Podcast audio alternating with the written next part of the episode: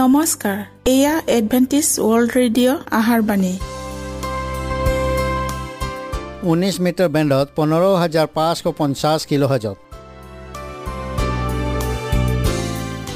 Adventist World radio যোগে অসমীয়া ভাষাত প্ৰচাৰিত আহাৰবাণী প্ৰত্যেক বুধবাৰ আৰু দেওবাৰ সন্ধিয়া সাত বজাত আহাৰবাণী শুনাৰ পিছত আপোনালোকৰ কিবা মন্তব্য আৰু প্ৰশ্ন থাকিলে আমালৈ এই ঠিকনাত লিখক। আমাৰ ঠিকনাটি হৈছে Adventist world radio' seven day Adventist মণ্ডলী অসম শাখা লতাকাটা বশিষ্ট গুৱাহাটী সাত আঠ এক শূন্য দুই ন।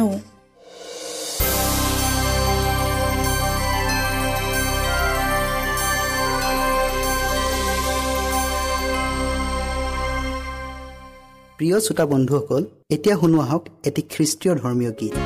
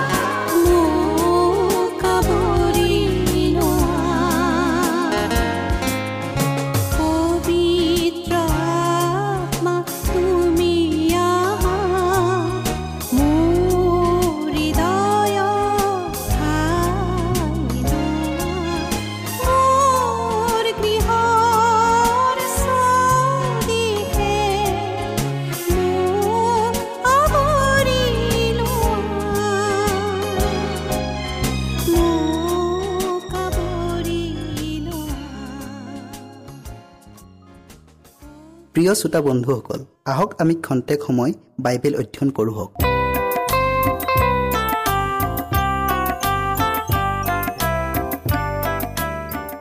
প্ৰিয় শ্ৰোতাসকল নমস্কাৰ। আজি আমি যোৱা অনুষ্ঠানৰ বিৰাট শূন্য ঠাই স্থাপিত আছে ইয়াৰ বাকী অংশটো শুনো হওক। শাস্ত্ৰপদ লৈছে লোক ষোল্ল অধ্যায়ৰ ঊনৈছ পদৰ পৰা একত্ৰিছ পদ। বিষয়টিৰ আগবঢ়াৰ আগতে আমি প্ৰাৰ্থনা কৰোঁ হওক। স্বৰ্গত থকা অসীম দয়াময় ঈশ্বৰজী হোৱা ধন্যবাদ প্ৰভু তোমাৰ অনুগ্ৰহ আৰু আশীৰ্বাদৰ বাবে। প্ৰভু আমি আজি যি বিশেষ বিষয়টিলৈ অধ্যয়ন কৰিবলৈ আগবঢ়াইছোঁ তুমি আমাৰ সংগে সংগে থাকা।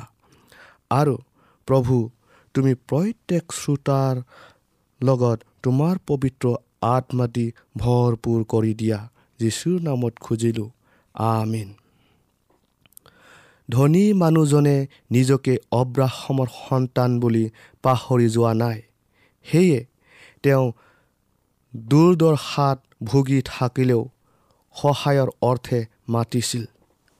তেওঁ কাঠৰ অনুৰোধ কৰি কৈছিল হে পিতৃ অব্ৰাহম মোক দয়া কৰা। ধনী মানুহজনে ঈশ্বৰৰ প্ৰাৰ্থনা নকৰি অব্ৰাহমকে প্ৰাৰ্থনা কৰিলে। তেওঁৰ এই আচৰণে ঈশ্বৰতকৈ অব্ৰাহমক শ্ৰেষ্ঠ দেখুৱাই আত্মিক সম্বন্ধ যোগে উদ্ধাৰ পাবলৈ নিৰ্ভৰ কৰিলে।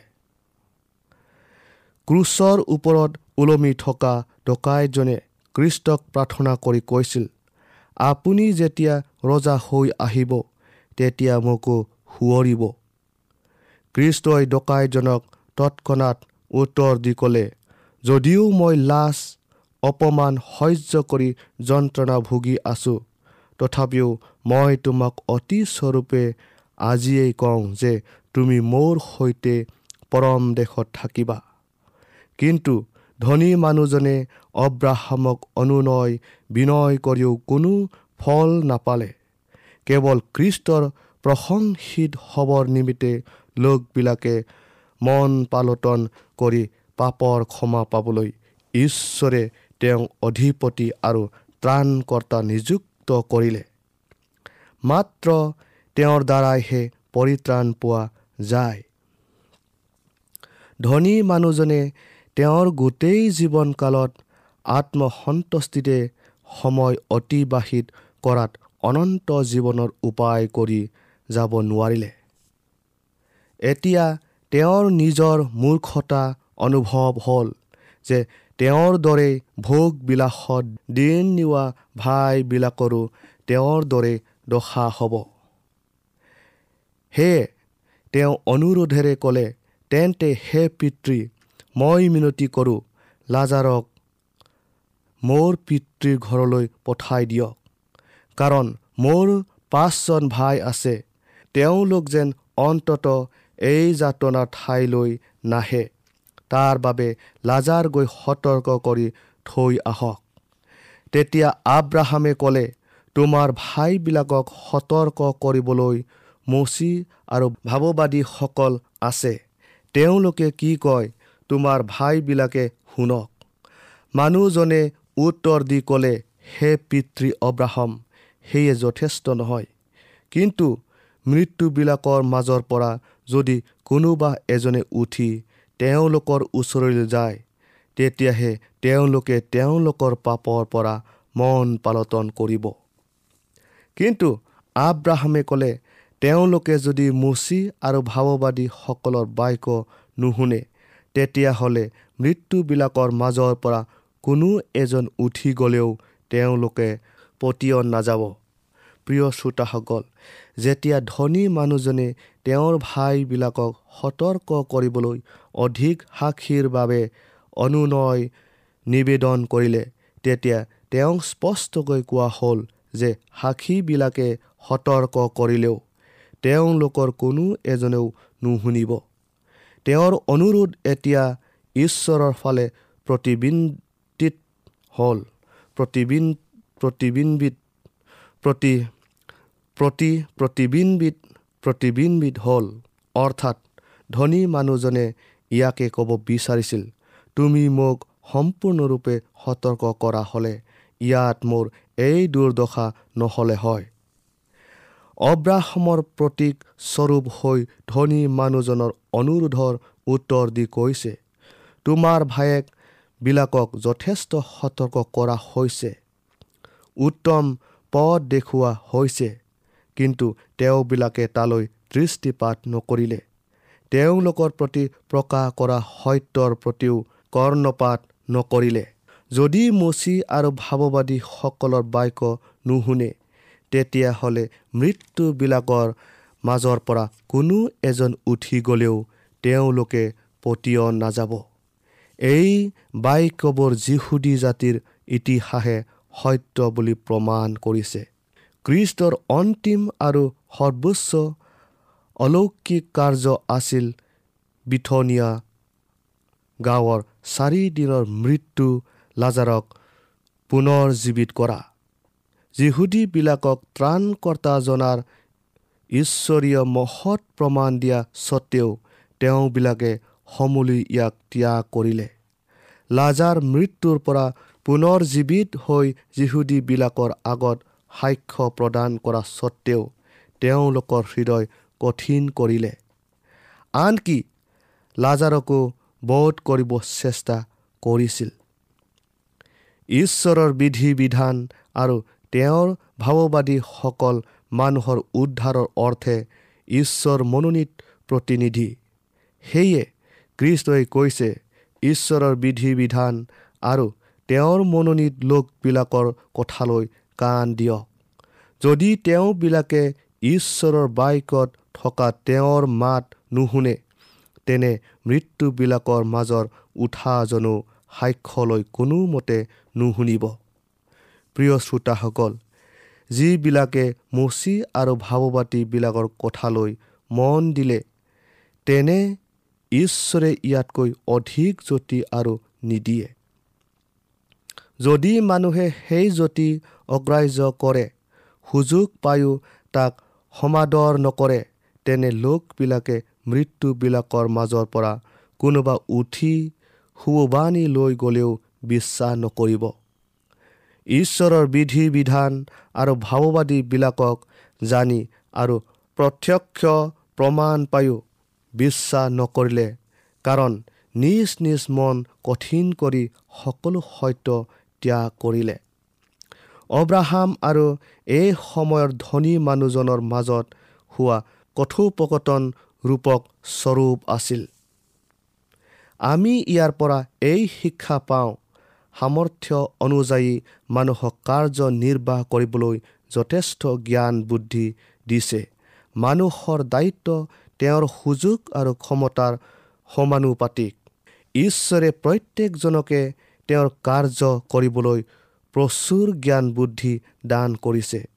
যদি সাধাৰণ পোহৰত আমি অকৰ্মণ্য হওঁ উজ্জ্বল পোহৰে আমাৰ অবিশ্বস্ততা প্ৰকাশ কৰি তেওঁ দিয়া আশীৰ্বাদৰ সৎ অনুপযুক্ত বুলি দেখুৱায়। যিজন সামান্য বিষয়ত বিশ্বাসী তেওঁ ডাঙৰ বিষয়টো বিশ্বাসী। আৰু যিজন সামান্য বিষয়ত অবিশ্বাসী তেওঁ ডাঙৰ বিষয়টো অবিশ্বাসী। লোক ষোল্ল অধ্যায়ৰ দহ পথ যিবিলাকে মুচি আৰু ভাৱবাদীবিলাকৰ শিক্ষাৰ দ্বাৰাই প্ৰভাৱান্বিত নহৈ অতিৰিক্ত আচৰিত চিন বিচাৰে আৰু সেই ইচ্ছা পূৰ কৰিলেও তেওঁলোকক বিশ্বাস জন্মোৱা কঠিন হ'ব। ধনী মানুহ আৰু লাজাৰৰ দৃষ্টান্তত উভয় লোকেই দুটা দলৰ প্ৰতিনিধিত্ব কৰি অদৃশ্য জগতত তেওঁলোকক কেনেদৰে গণ্য কৰা হয় তাকে দেখুৱায়। ধনী হোৱাটো অপৰাধ নহয় যদিহে উপাৰ্জিত ধন অন্যায়েৰে নহয়। ধন সম্পত্তি থাকিলে সেইজন ব্যক্তিক অপৰাধী বুলি দোষী সাব্যস্ত কৰা নাযায়। বৰং তেওঁ অৰ্পিত ধন সম্পত্তি অপব্যৱহাৰে দোষী সাব্যস্ত কৰে। গতিকে জগতত ধনৰ সৎ ব্যৱহাৰ কৰি স্বৰ্গত ঈশ্বৰৰ সিংহাসনৰ কাষত তেওঁ ধন সাঁচক প্ৰিয় শ্ৰোতাসকল মৃত্যুৱে কোনো মানুহকে দৰিদ্ৰ নকৰে যদিহে তেওঁ অনন্ত জীৱনৰ ধন সম্পত্তিৰ বাবে হাবিয়াহ কৰে। কিন্তু কোনো ব্যক্তিয়ে নিজলৈ ধন সম্পত্তি সাঁচিলেও তাৰ অকণো অংশ বা ভাগ স্বৰ্গলৈ নিব নোৱাৰে। কাৰণ জগতৰ ধন সম্পত্তিৰ অপব্যৱহাৰে তেওঁক অযোগ্য ঘৰগিৰি বুলি প্ৰমাণিত কৰিলে। তেওঁৰ জীৱিত কালত উত্তম বস্তুবোৰেৰে আপ্যায়িত হৈছিল। ফলত ঈশ্বৰৰ প্ৰতি থকা কৰ্তব্য সমূলি পাহৰি যোৱাত সৰ্বশেষত স্বৰ্গীয় ধন পোৱাৰো আশাকণ নাইকিয়া হৈ গ'ল। অনেক সুবিধাত থকা ধনী মানুহজনৰ দ্বাৰাই আমাক বুজাই কৈছে যিজনে তেওঁৰ ধন সম্পত্তি ন্যায় সংগতভাৱে ব্যৱহাৰ কৰে যাতে তেওঁৰ সৎকৰ্মৰ সৌৰভ আত্মিক প্ৰাধান্যতাৰ সহিত সুদূৰ প্ৰসাৰী হয়। কেৱল পাপৰ কলংক মচি দিয়াই নহয় পাপৰ শক্তিৰ দ্বাৰাই হ্ৰাস পোৱা আত্মিক বৰবিলাক পুনৰাই উভতাই দিব। এইটোৱে উদ্ধাৰৰ উদ্দেশ্য। আমাৰ পৰকালৰ জীৱনৰ নিমিত্তে ইয়াৰ পৰা ধন সম্পত্তি একোকে নিব নোৱাৰোঁ।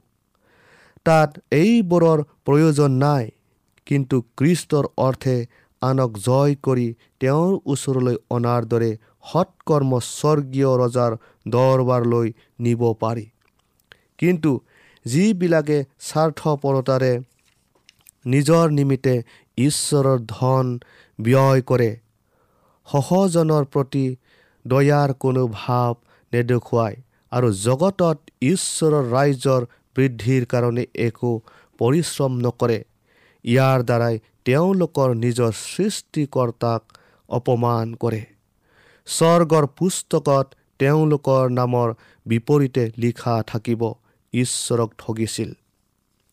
ধনী মানুহজনে লাভ বিলাসত ব্যয় কৰিবৰ কাৰণে প্ৰচুৰ ধন আছিল কিন্তু ঈশ্বৰৰ সৈতে সঠিক হিচাপ পত্ৰ ৰাখিবলৈ তেওঁৰ সেই ধন নাছিল। তেওঁ এনেদৰে জীৱন উপভোগ কৰিছিল যে তেওঁৰ সম্পত্তিবোৰ আমোদ প্ৰমোদৰ ব্যয় কৰা তেওঁৰহে অধিকাৰ। তেওঁ ঈশ্বৰৰ আহ্বান আওকাণ কৰি কষ্টত ভোগা দৰিদ্ৰবিলাকৰ প্ৰতিও অৱহেলা কৰিছিল। কিন্তু এটা সময়ত তেওঁৰ এনে এটা আহ্বান আহিল তাক তেওঁ কোনোৰূপে আওকাণ কৰিব নোৱাৰিলে। যি শক্তিৰ আহ্বানৰ প্ৰশ্ন নাইবা প্ৰতিৰোধ কৰাৰ অৱকাশ নাথাকিলে। কাৰণ তেওঁৰ ঘৰগিৰি বাবৰ পৰা গুচাই সেই স্থান ত্যাগ কৰিবলৈ আদেশ দিয়া হ'ল। এই সময়ৰ ধনী মানুহজনক অতিহীন অৱস্থালৈ নমোৱা হ'ল। স্বৰ্গৰ তাঁতশালত বোৱা কৃষ্ট ধাৰ্মিকতাৰ বস্ত্ৰই তেওঁৰ দেহ কেতিয়াও ঢাকিব নোৱাৰিব। যিজনে জীৱিত কালত উত্তম বেঙুনীয়া আৰু শুদ্ধ সন সূতাৰ বস্ত্ৰ পিন্ধিছিল তেওঁ উলংগ অৱস্থাত পেলোৱা হ'ল। তেওঁৰ আমোদ প্ৰমোদৰ সময় অন্ত পৰিল। তেওঁ অহাৰ সময়ত পৃথিৱীলৈ একো অনা নাছিল আৰু ইয়াৰ পৰাও একো লৈ যাবও নোৱাৰিলে। প্ৰিয় শ্ৰোতাসকল কৃষ্টই আৰ কাপোৰখন দাঙি পুৰোহিত দেশাধিপতি ব্যৱস্থাদাতা আৰু পৰিচিতবিলাকৰ আগত এই ঘটনাৰ সবিশেষ বিৱৰণ দাঙি ধৰিলে। ঈশ্বৰৰ প্ৰতি ধনবান নহৈ জগতত ধন সম্পত্তিৰে ধনবান হোৱা ধনীবিলাকক প্ৰত্যাহ্বান জনাই কৈছে তোমালোকে চোৱা এই ঘটনাৰ দৃশ্যৰাজে চিন্তা কৰি নোচোৱানে? যিটো বিষয় মানুহৰ মাজত বিশেষ ৰূপে মূল্য আৰোপ কৰে। সেয়ে ঈশ্বৰৰ দৃষ্টিত অতিকৈ ঘৃণনীয়। কৃষ্টই কৈছে এজন মানুহে গোটেইখন জগত পায়ো যদি নিজৰ প্ৰাণ হেৰুৱায় তেন্তে তেওঁৰ কি লাভ হ'ব? একো লাভ নহ'ব। মানুহে নিজৰ প্ৰাণৰ সলনি কি দিব পাৰে? প্ৰিয় শ্ৰোতাসকল আজি আমি ইয়াতে সামৰিলোঁ। ইয়াৰ বাকী অংশ আমি পৰৱৰ্তী অনুষ্ঠানত শুনিবলৈ পাম হওক। ঈশ্বৰে আপোনালোকক আশীৰ্বাদ কৰক।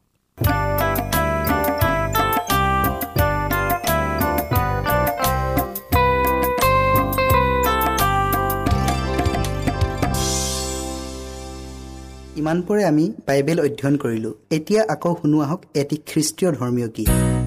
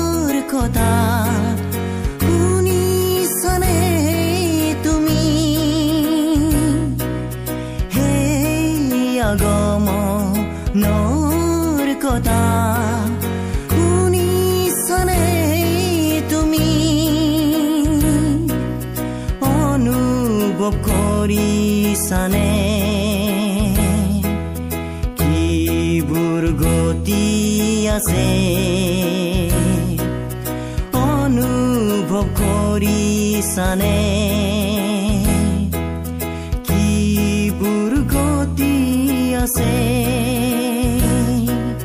আৰু কিমান দিন থাকিবা।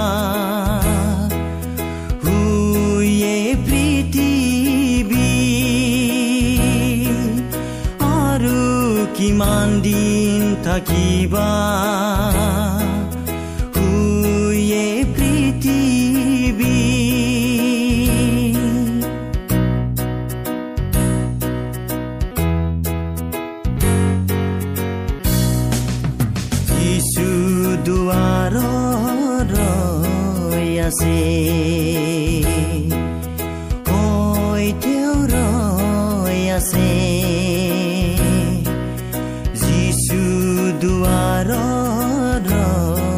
আছে হয় তেওঁ ৰৈ আছে তোমাক গ্ৰহণ কৰিব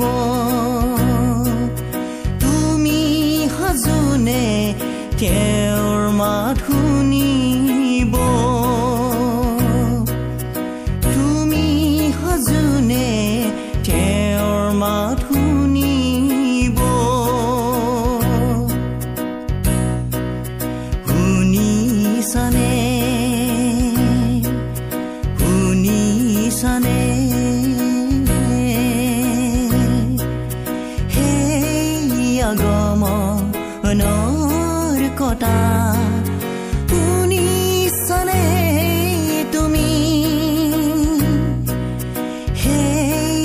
সেই আগমনৰ কথা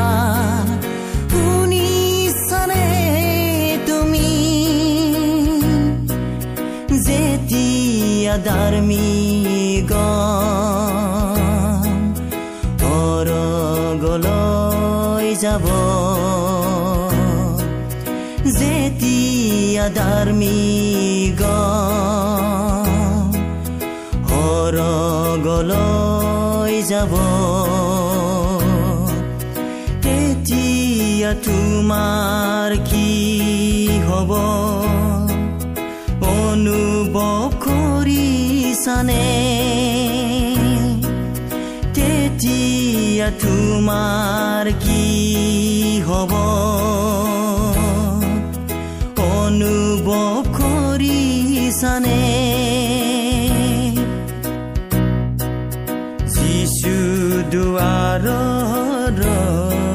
ৰৈ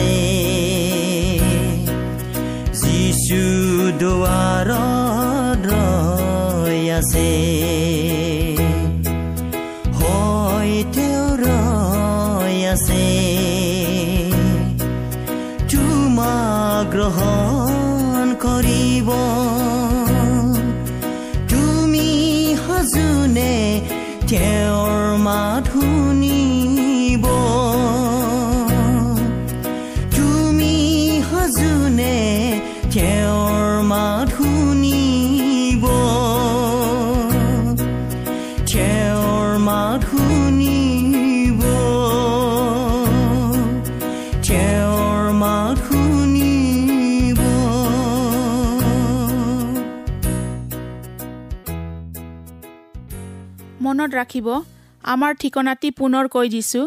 Adventist world radio' Assam region of seven day Adventist voice of hope Lotakata Basistha Guwahati seven eight one zero' two nine প্ৰিয় শ্ৰোতা বন্ধুসকল এডভেণ্টিজ ৱৰ্ল্ড ৰেডিঅ' যোগে আহাৰবাণী প্ৰচাৰত আপোনালোকক পুনৰ লগ পোৱাৰ আহাৰে আজিলৈ সামৰিলোঁ।